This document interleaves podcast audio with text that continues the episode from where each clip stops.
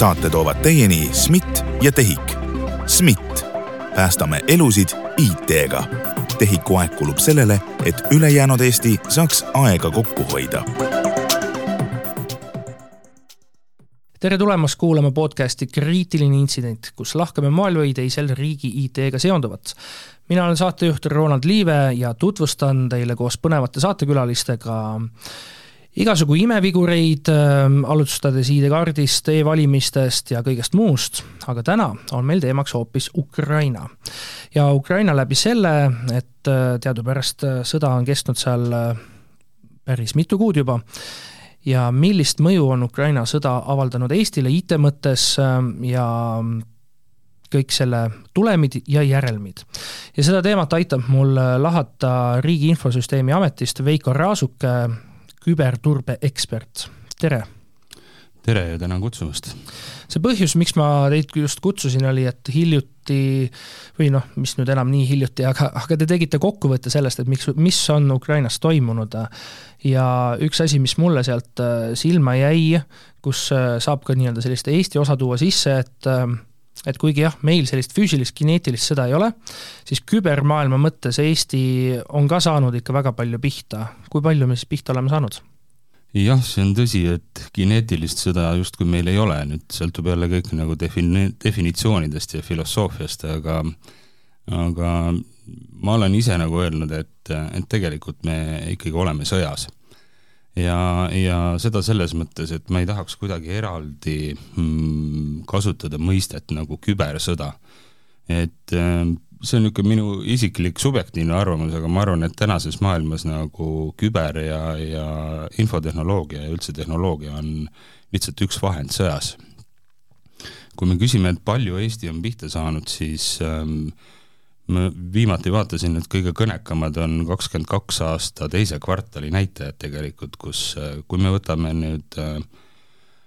Äh, rakenduskihi rünnakud ehk siis layer seitse rünnakud nii-öelda tehnoloogilises keeles, ehk siis mingisuguseid veebiteenuseid on rünnatud ähm, ja vaatame seda tabelit, siis äh, äh, Eesti on selles tabelis seitsmendal kohal, terve maailma peale kokku. Et seal esikolmik on Ameerika Ühendriigid, Küpros, Hongkong, neljas on Hiina ja jääb veel Holland ja Poola sinna vahele ja juba seitsmendal kohal on Eesti, et kui me nüüd paneme selle mastaapidesse äh, rahvaarvu poolest, äh, serverite arvu poolest, millest iganes, et siis äh, ma arvan, et see on üks nagu ääretult kõnekas fakt, mis näitab täpselt, et millises olukorras me oleme. kuidas me oleme sellega toime tulnud, et me nii halvas mõttes nii tipus oleme? selleks ei ole pidanud ilmselt meie väga palju tegema, et selleks, et me äh, halvas tipus oleme, äh, on palju meie idanaaber teinud ennekõike. et äh, või noh, ütleme nii, et me ei saa seda de facto väita, aga, aga kõik viitab sellele, et, et kustpoolt need ründed tulevad. ja kas nüüd nagu halvas tipus see on nagu ka niisugune arutelu koht tegelikult, et ma ise ei, võib-olla isegi ei peaks seda nagu halvaks tipuks et lihtsalt see vektor on olnud meie poole suunatud, äh, mida see meile tegelikult on andnud, ma arvan, et äh, see on meid palju-palju tugevamaks teinud. et äh, kui me võtame enne kahekümne neljandat veebruarit ja võtame tänase olukorra, siis riik on pannud oma toe alla nagu rahastuse mõttes, tehnoloogiainimesed on tulnud kokku pannud alla oma õla, aidanud asja teha paremaks, et äh, kui me vaatame, et me oleme seitsmendal kohal rünnakute poolest, et siis äh, ma küsiks vastu, et äh, kuidas on see tunnetus selle nagu kasutaja poolt, et kui palju see kasutaja siis tegelikult on Äh, nagu pihta saanud, et palju meil on olnud muret teenustega, et need ei tööta, et kas äh, sul tuleb saatejuhil meelde? jaa, ma just tahtsingi seda öelda, et äh, neid DDoS ründeid on küll olnud, aga sellist, et ma nüüd tõesti ei saaks kuskile panka logida või eesti.ee-sse logida, et oleks nagu pikaaegselt kuidagi mind üksikindiviidina mõjutaks, nagu mina väga kogenud ei ole, kas see nagu näitab, ütleb ka midagi meie kohta? Jah, ma julgen siin küll natuke isegi uhke olla selle töö üle, mida tegelikult eh, nii RIA kui kõik teised riigi IT-majad on teinud selleks, et seda olukorda hoida sellisena ja teenused hoida toimivana, et, et tõesti, tööd on tehtud sinna palju, investeeritud on ja, ja selliseid olukordi, kus meil oleksid nagu küberründe tõttu pikalt mingisugused teenused maas olnud, et seda meil tegelikult äh, selle sõja algusest alates olnud ei ole, et meil on olnud üksikuid lühiajalisi katkestusi äh,, meil on olnud olukordi, kus mõni veebileht on võib-olla pisut aeglasem tavapärasest ja kasutaja peab natukene kauem ootama, aga teenus oleks kättesaamatu, neid olukordi on väga üksikuid tõepoolest. Läheme nüüd natuke rohkem siis Ukraina juurde ka hetkel, et ähm, see kokkuvõte, mis te tegite, mida te olete ka siin äh, üritustel ette kandnud, ähm, selline põhiline punkt siis on see, et, et Ukraina tegutses väga kiirelt, agiilselt, nii nagu meil, meil riigi IT-majades öeldakse väga palju jah, ma selle agiilsuse mõiste jätaks siinkohal kõrvale, ma pigem keskenduks sellele äh, kiirusele ja nimetaks võib-olla selle kiiruse natuke täpsemalt äh, operatiivsuseks. et äh, jah, asjad toimisid väga kiiresti äh, alates kahekümne neljandast veebruarist. Kui vaadata, et mis alates kahekümne neljandast veebruarist õigupoolest siis äh, muudeti või, või mida rakendati äh,, siis äh, noh, selge on see, et siit on näha, et tegelikult on ettevalmistusi tehtud nagu varem ja, ja selle nimel on, on hulga tööd tehtud, et äh, oleks võimalik siis äh, riskide realiseerumise korral tõesti operatiivselt vahele astuda ja asuda asju lahendama. et ähm, kui me vaatame seda Ukraina mm, pilti tervikuna, eks ju, et mm, Ukraina on oma tulen korraks tagasi veel, eks ju, et kui ma tegelikult seda presentatsiooni ettekandes eelmisel korral äh, alustasin ka sellest küsimusega saalile, et, et mis on nagu sõjas äh, number üks tähtsusega asi ja, ja seal ei läinud palju, kui tõusis esimene käsi ja ja öeldi, et see on toimiv side. Ja, ja selle poolt ma ise kindlasti nagu ka olen ja, ja olen tõesti veendunud, et see nii on. Et siis ma võib-olla natukene räägingi sellest Ukraina telekomide maastikust, sest mis seal tegelikult toimub, et Ukrainas on, on sarnaselt Eestile tegelikult äh, suuresti kolm mobiilioperaatorit, on nendes äh, annekteeritud osades tegelikult ka mõned niisugused halli või isegi ma ütleks musta mütsiga operaatorid äh,, kes üritavad äh, toimida sarnaselt võib-olla nagu, nagu meilgi, et kui, kui minna liiga Vene piiri lähedale, samas Eesti levi on tugev, aga mingisugusel põhjusel see telefon ikkagi kipub sinna Venemaa võrgu külge minema, et, et sarnaseid asju on seal ka. Äh, kolm suuremat mobiilioperaatorit, äh, mõtleme nüüd mastaapide peale, eks ju, et kui, kui suur maa-alalt on Ukraina ja rahvaarvult ja, ja kui suured oleme meie. Mis nüüd siis tegelikult kahekümne neljandast veebruarist toimuma hakkas, võib-olla mis on niisugune kõige kõige olulisem ja, ja minu jaoks nagu seda kokkuvõtet kokku pannes ka nagu jäi silma ja, ja oli kõige nagu muljetavaldavam, oligi ikkagi see nagu operatiivsus, et, et tegelikult olid äh, riskid varakult teada, olid ju ka meile teada, et see oli ju avalikus meedias liikus informatsioon, et äh, midagi on tulemas, midagi tuligi, seda, et see sellisena tuli, eks see oli mõnes mõttes võib-olla üllatus, aga ukrainlased olid äh,, olid valmis, et, et mis seal tegelikult toimuma hakkas, et äh, Mm, tegelikult nelja päevaga suutis riik muuta seadust, äh, Eesti mõistes siis Tarbijakaitse ja Tehnilise Järelevalve Amet, TTJA, ehk siis kes tegeleb, kes on regulaator, kes tegeleb sageduslubade väljastamisega, suutis siis neli päeva peale sõja algust Ukraina telekomidele väljastada lisasagedused 3G ja 4G jaoks, et miks seda siis vaja on, on selle jaoks vaja, et saaks töötada laiema riba peal, laiem riba tagab meile siis äh, kvaliteetsema side ja, ja suuremad kiirused. et kui äh, inimesed olid sunnitud oma tavapärastest elupaikadest äh, mujale liikuma, siis see tähendas seda, et, et enamus sidet liikus mobiilsidesse, et kodus enam oma ruuteri taga istuda väga ei saanud Äh, see tehti väga kiiresti ära ja, ja ka telekomid suutsid rakendada ja need äh, lisasagedused kiiresti kasutusele võtta, et see oli kindlasti üks niisugune esimene asi, et äh, mis nagu mind väga positiivselt üllatas, et, et vau, et näed, nelja päevaga saab asju teha. Järgmine asi, mis sealt siis tuli tegelikult lisaks sellele sageduste ribadele, oli, oli ka niisugune alguses lugedes äh, natuke üllatav, aga Ukraina op-, äh, operaatorid tegelikult äh, otsustasid siis konsensuslikult, et nad lõpetavad siis kõikidel abonementidel krediidilimiidi jälgimise. Ehk siis noh, alguses mõtled, et miks see nagu nii oluline samm on, aga, aga noh, kui nüüd hakata sisu peale mõtlema, siis tõepoolest, et kui sa äh,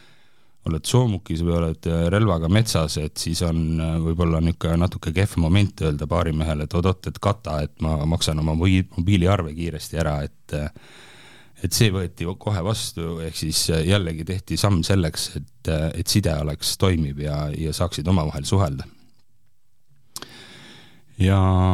ja noh, eks sellest oli omajagu abi ka, et see mitte ainult ütleme, see krediidilimiidi ületamine, aga, aga kuna riigis side oli ikkagi osaliselt häiritud, äh, siis ka see, et, et kas sul pangateenused elektroonilisel kujul on kättesaadavad ja kas sa saad seda makset teha, eks, et see ei olnud tagatud, et see võttis hästi palju niisugust äh, hetkel ebaolulist nagu koormust maha. Järgmise asjaga, millega nad edasi läksid, oli, oli niisugune minu jaoks jällegi ka nagu põnev tegelikult vaadata ja, ja jälgida seda kulgu ajas, et kuidas, kuidas neil oli kas asjad läbi mõeldud või siis nad olid tõesti nii operatiivsed ja suutsid jooksu pealt neid asju teha, et et operaatorid peatasid kõik sisenevad rändlused Venemaalt ja Valgevenest. ehk siis, et kõik see kontingent, mis sealt üle piiri äh, nende riiki ebaseaduslikult liikus äh,, kes siis äh, arvasid, et neil on sideseadmed taskus, nad saavad ilusti kodustele saata pesumasinatest pilte ja, ja millest kõigest veel, veega WC-dest, mis olid nagu väga suured üllatused, et siis äh, siis paraku see äh, õnn lõppes neil sellega, kui nad võõra riigi territooriumile jõudsid ja, ja seda sidet nende jaoks olemas ei olnud. et mis on siin üks oluline nüanss veel tegelikult, on see, et ähm, Venemaa Äh, relvajõudude side, siis väidetavalt back-up side oli siis kõik üles ehitatud 4G äh, lahenduse peale. ja see kahjuks siis tähendas seda, et seda 4G lahendust neil ei olnud, eks ju. ja noh, me mõtleme, et miks see back-up side siis nii oluline on, et noh, me teame seda, see on ka avalikest allikatest läbi käinud informatsioon, et see põhiside lahendus, mis Vene relvajõududel pidi olema, et äh, seda ju tegelikult lihtsalt ei olnud, et et see on avalikult välja öeldud, et need miljardid, mis Venemaa investeeris selleks, et need lihtsalt varastati ära. et äh, eks ikka juhtub suures riigis asju. Äh, nüüd sisemised rändlused nii Venemaalt kui Valgevenest loomulikult, need aitasid ka vähendada seda võimalikku ründevektorit vastu Ukraina võrke, et äh, kui sa ikkagi saad niisuguse suure, suure kilbi ette panna suunas, kust halba asja tuleb, et siis, siis see teeb elu, elu paremaks veel nüanss, mis, äh, mis siis ka kohe rakendati, oli, oli siis teistpidi ka, et piirati kõik kõned Ukrainast Venemaale ja Valgevenesse. selle taga jälle mitu asja, eks ju, üks asi see, et äh,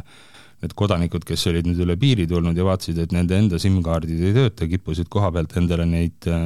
prepaid SIM-e hankima ja nendega helistama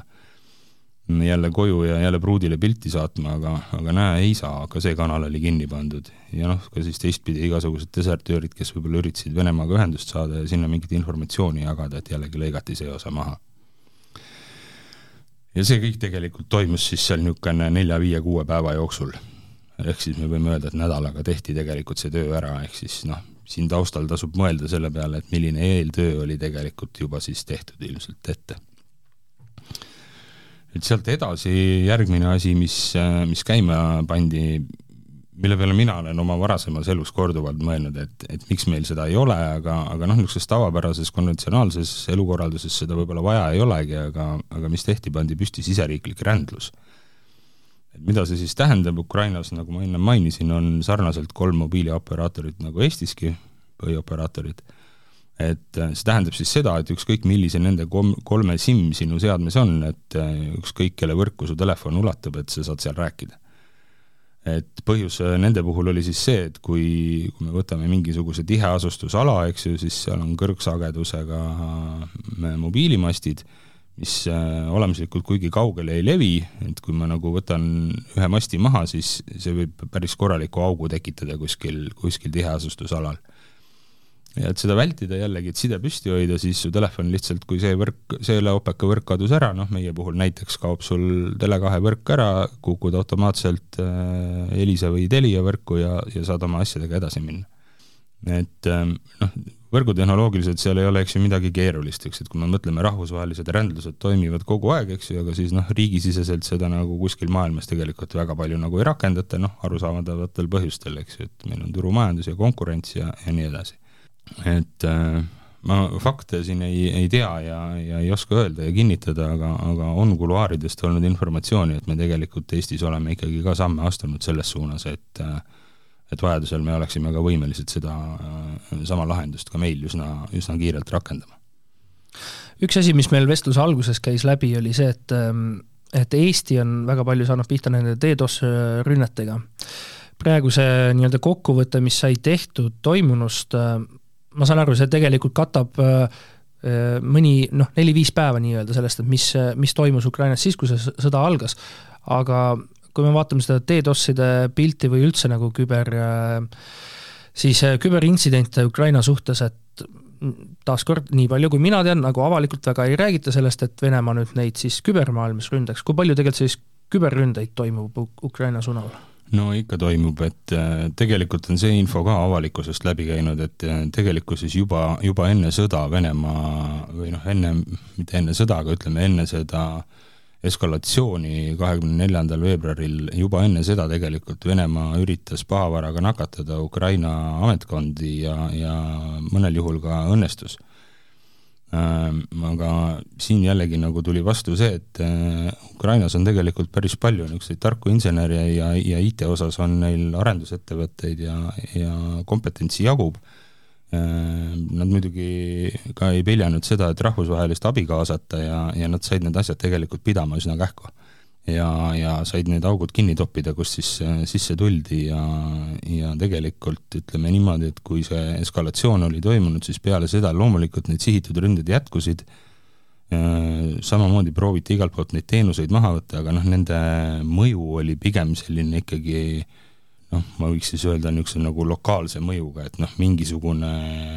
üks teenus mingisuguse teatud aja jooksul võib-olla oli, oli kättesaamatu või noh, niisugune nagu väiksemat sorti probleemid, eks. kui palju on Ukrainas olnud selliseid õppetunde meile, ehk siis Eestile, mida me oleme üle võtnud või üle võtmas? et üks, millest te ka oma ettekandel rääkisite, oli siis äh, satelliitsidel põhinev internetiühendus et seda meil tegelikult teadupärast Eestis on äh, Riigi Infokommunikatsiooni Sihtasutus, kes praegu arendab välja ja peaks järgmine aasta hakkama siis katsetama mõndade esimeste riigiasutuste peal. kui palju tegelikult on veel selliseid asju, millest siis kas on räägitud avalikult või ei ole, et mida, mida Eesti on üle võtnud või võtmas? Noh, ma ise julgen arvata, et me eestlastena tehnoloogia tuttava rahvana ja, ja ikkagi üsna nutikate inimestena julgen loota, et me ikkagi oskame teiste vigadest õppida ja, ja me, eks me oleme ju selgelt eh, kogu seda olustikku pidevalt analüüsinud ja, ja katsunud leida sealt neid, neid punkte ja neid eh, teemasid, kus siis äh, ise olla paremad ja, ja proovida asju nagu ennem teha, et ma arvan, et kõik need asjad, millest me täna siin siiamaani rääkinud oleme, et et eks need kõik on erinevate töögruppide laudadelt läbi käinud ja erinevates aruteludes olnud, et kui kaugel üks või teine asi täpselt on, et seda me loomulikult ei, ei kommenteeri niimoodi, aga aga, aga kindlasti on asju ja, ja võib-olla üks asi, mis, mille osas meie isegi olime natukene Ukrainast ees, on, on see, et suur probleem tekkis Ukrainal siis, kui äh, kahekümne neljas veebruar saabus, mure oli selles, et kõik nende andmed asusid nende riigis koha peal. ja, ja nüüd tekkis äh, probleem, kus äh, sidevõrgud ei olnud enam endises töökorras äh,, kiirused olid piiratud ja oli suur hulk andmeid, mida tegelikult oli vaja riigist välja saada et siin on, äh, on eestlased olnud võib-olla natuke ettenägelikumad ja, ja meil on olemas äh, riigist väljas asuv andmesaatkond, kuhu meie olulisi andmekogusid on, on varundatud juba pikemal ajal ja, ja kindlasti tuli see nüüd taaskord nagu tugevamasse fookusesse, vaadati need asjad üle ja, ja ja laiendati siis ka seda äh, andmekogude nimekirja, et mis, mis sinna riigist välja peaksid olema pandud, eks ju, et et kui me võtame tegelikult, et kui, kui väiksed me oleme riigina, et siis äh, ma just paar päeva tagasi kirjutasin ühte memo, kus ma tegin sellise mõtteharjutuse, et äh, noh, teema oli selles, et kas Eesti võiks toimida digitaalse saarena või, või mitte, et siis ma seal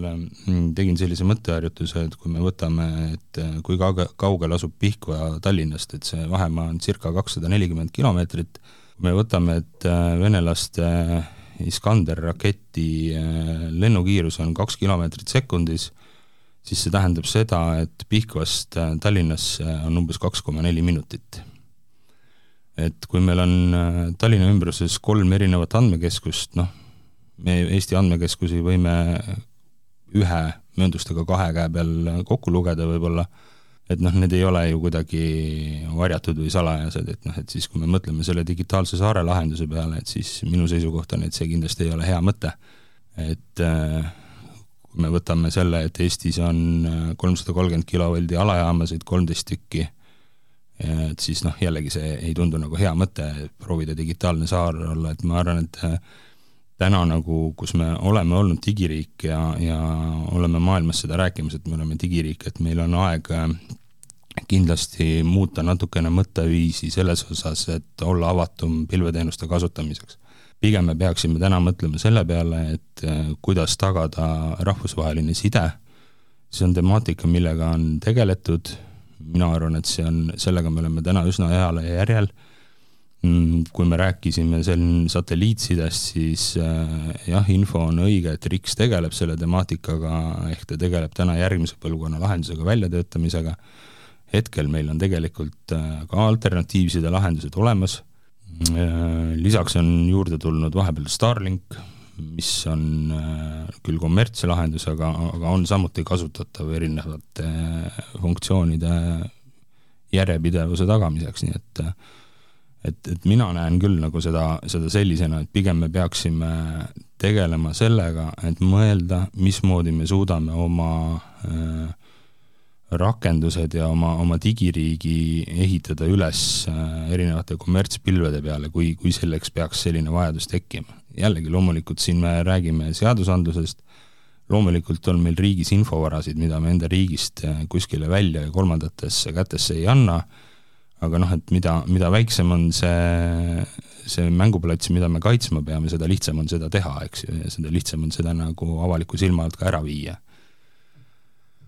siinjuures saan äh, saate kuulajatele teha natukene reklaami, et äh, Digiproos on üleval artikkel, äh, mis räägib siis pilvemäärusest, mis on Eestis väljatöötamisel olnud.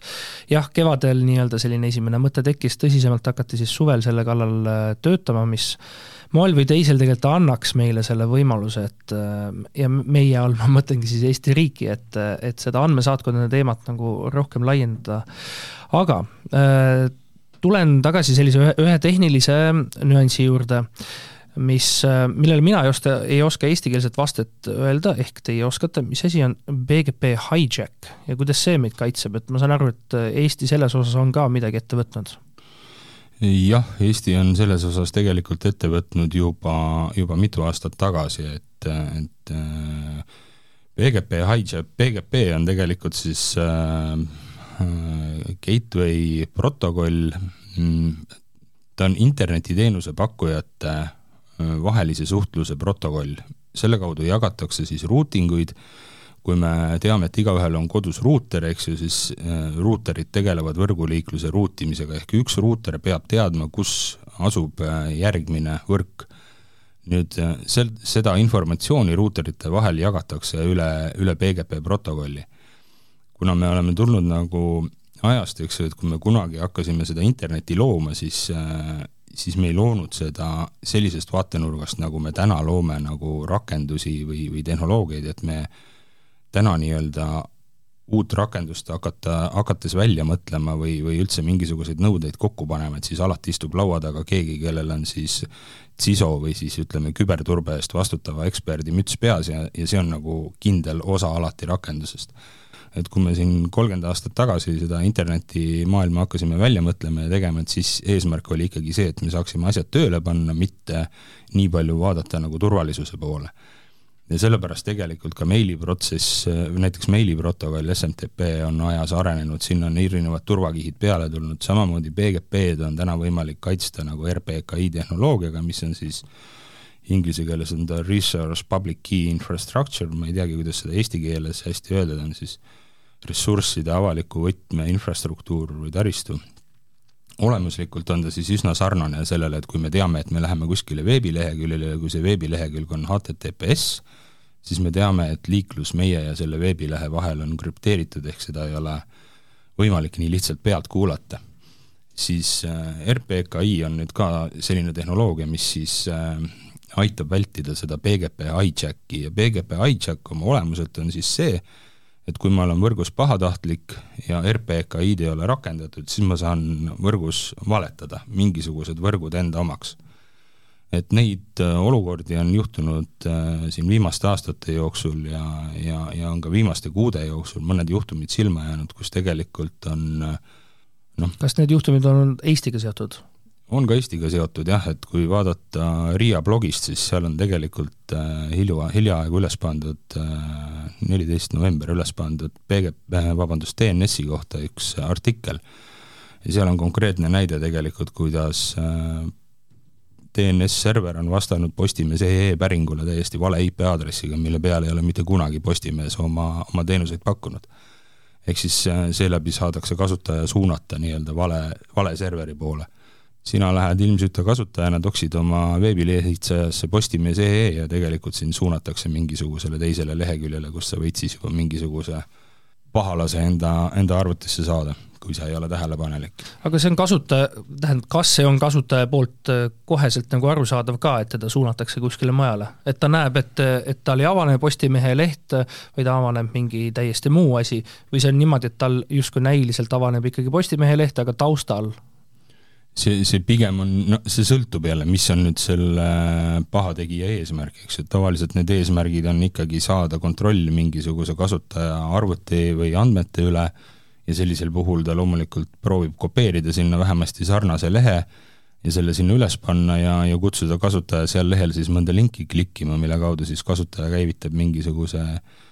skripti või pahavara rakenduse, mis siis äh, puurib juba augu kuskile tema masinasse või, või, või noh, me räägime siin arvutikeskselt, see ei pea olema arvuti, see võib olla ka telefon. et, et seda PGP hijack'i on olnud, eks ju, et ma tulen tagasi korraks selle RPKI juurde ja ütlesin, et tegelikult töö sellega alustas, alustati aastal kaks tuhat kakskümmend, nagu läks see teema, tuli tugevalt luubi alla, eks ju, et kui me mõtleme, et, et millal Eesti esimest korda tegelikult siis pronksiööl sai kõvasti küberrünnakutega pihta eks sealt läks natukene toibumist ja natukene mõtete seadmist, aga jah, kaks tuhat kakskümmend võeti see tugevasti luubi alla, kaks tuhat kakskümmend aasta aprilli seisuga oli äh, siis selle PGP hijack imise vastu Eestis kaitstud äh, ainult kakskümmend viis protsenti võrkudest. tänase päeva olukord on see, et kus meil on üheksakümmend kaks protsenti kaitstud, et ainult kaheksa protsenti on siis see, mis on, mis on nii-öelda kaitsmata kas juhtumisi hüppeline kasv leidis aset kahekümne neljanda veebruari lähestikku? ei, see töö on tegelikult tehtud ära juba ennem seda, et, et hüppeline kasv tegelikult hakkaski sealt äh, kaks tuhat kakskümmend aasta aprillist hakati selle tööga pihta ja see üheksakümmend kaks protsenti saavutati tegelikult juba kahekümne esimese aasta lõpuks, kahekümne teise aasta alguseks.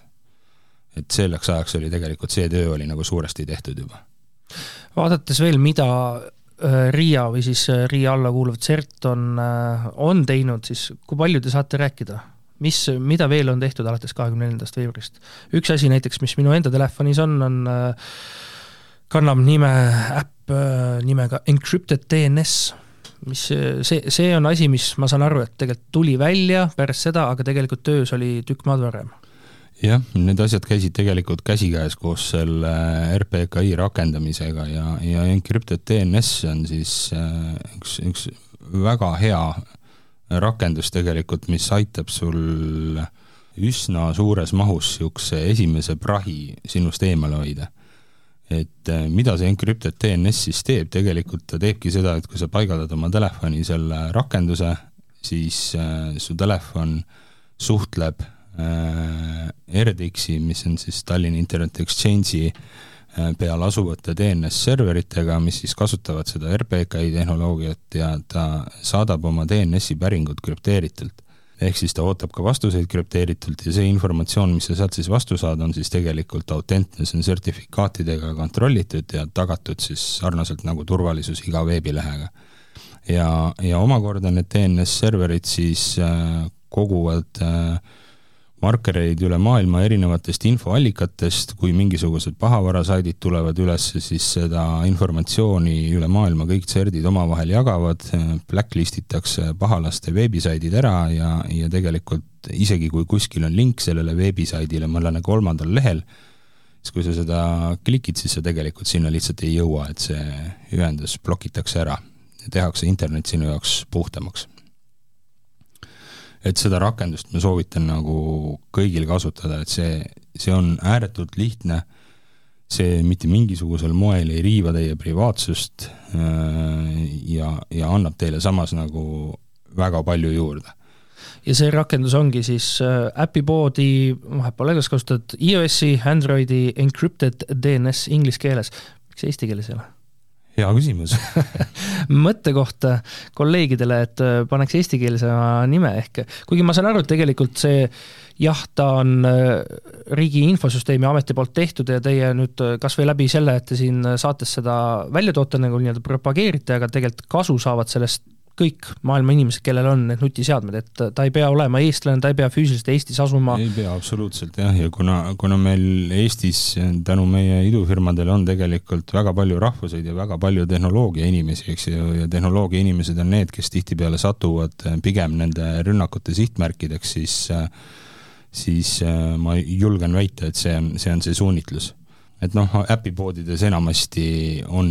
äppidel ikkagi sellised rahvusvahelised nimetused, et ma arvan, et äh,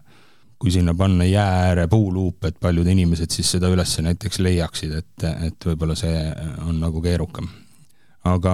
kui see keerukas inglisekeelne nimi ei kipu meelde jääma, siis Riia kodulehel on äh, küberinformatsiooni alamleht ja seal on ilusti viited sellele kõik olemas, kuidas see üles leida kuidas seda oma telefonis rakendada ja kuidas see asi töötab, et kindlasti soovitan seda väga soojalt kasutada. ja piisab sellest, kui otsingusse panna DNS, ei pea seda encrypted'it panema, leiab üles? leiab üles, on ilusti Riia märgiga näha, et on õige asi ja, ja saab, saab võtta kasutusele kas on veel mingeid asju äh, Riias CERDis tööl, millest te saate rääkida? ja kui vastus on ei, siis kui palju on töös neid asju, millest ei saa rääkida? Mõlemaid asju on töös, on nii neid, millest me saame rääkida ja on nii, nii meid, neid ka, millest me ei saa rääkida, et, et tegelikult äh, üks asi, mida ma tahaks äh, võib-olla ka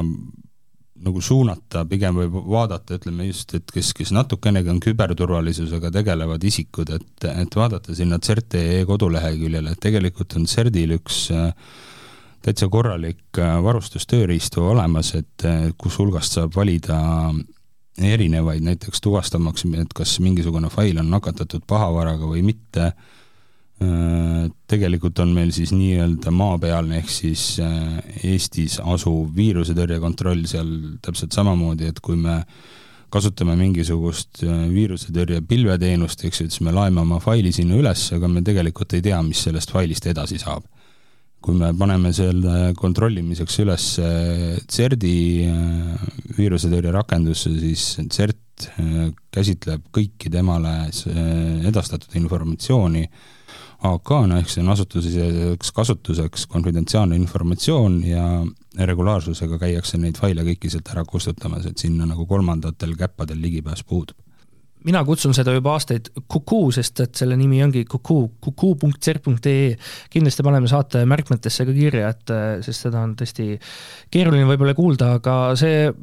tegelikult kasulik ka tavalistele inimestele, kui praegu tuleb ju neid petukirju väga tihti, et kui keegi teile mingi see faili saadab, kus ta väidab, et seal on teie alaste pildid ja nüüd küsib raha selle eest, et, et ta neid ei avaldaks, aga te tahate teada saada, kas ikkagi on teie pildid, siis sinna kohta te võite need pildid panna. julgelt. jah, aga see tähendab, et need pildid peavad temal juba arvutis olema, mis tähendab tegelikult ärge tõmmake neid faile alla endale. aga kui teil on need failid olemas, siis sinna saab panna, seal nii-öelda liivakastis mängitakse selle asjaga läbi, vaadatakse, mis seal tegelikult sees on ja antakse selline kohene tagasiside ka, et mis seal siis on faili üksinda arvutisse allalaadimine ei pea veel tähendama seda, et sa arvuti või telefon saab nakatunuks, et me räägime ikkagi sellest, et kui neid faile avatakse, et, et noh, põhilised asjad, kuidas täna ikkagi need õngitsuskirjad liiguvad, on see, et kas kirja sees on mingisugune link, et vajuta siia,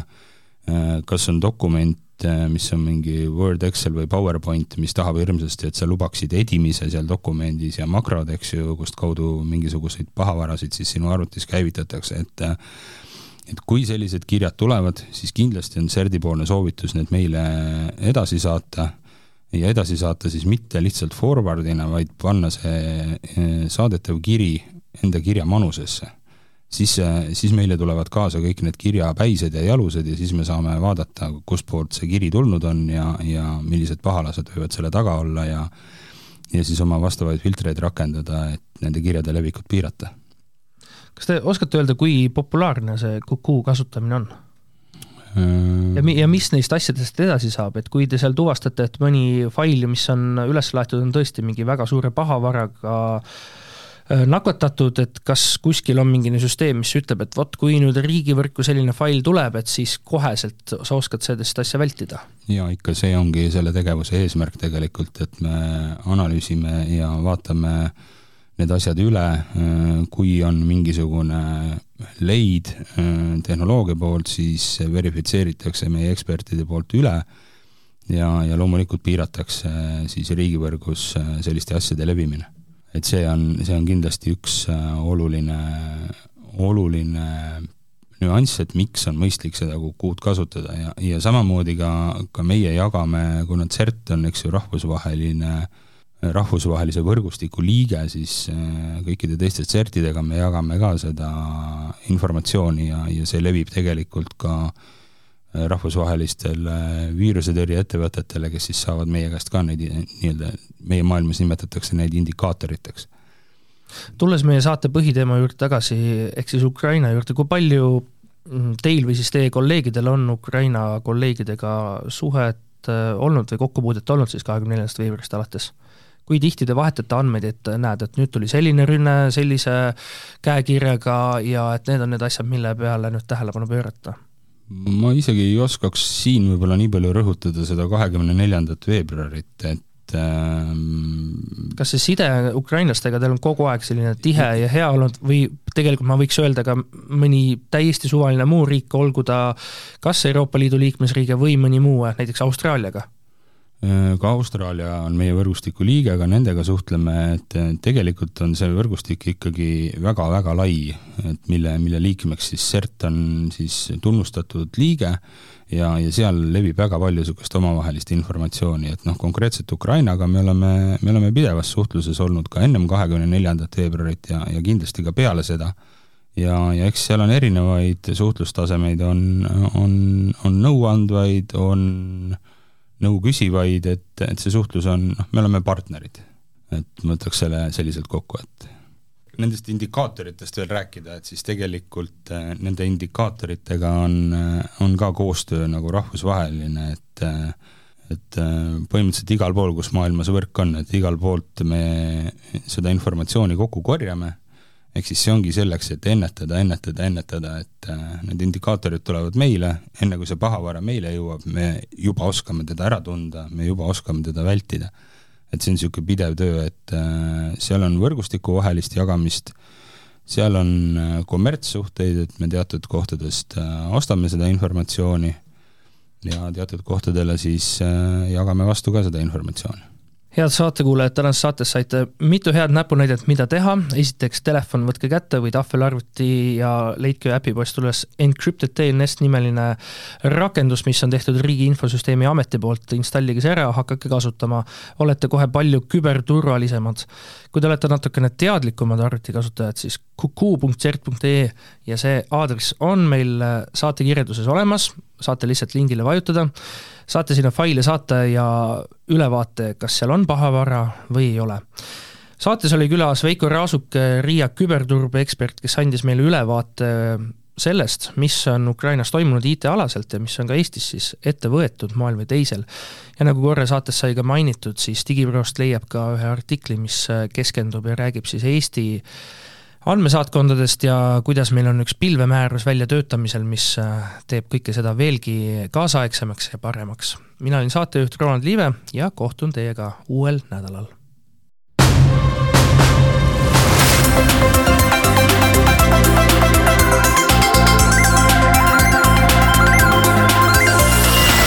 saate toovad teieni SMIT ja TEHIK. SMIT,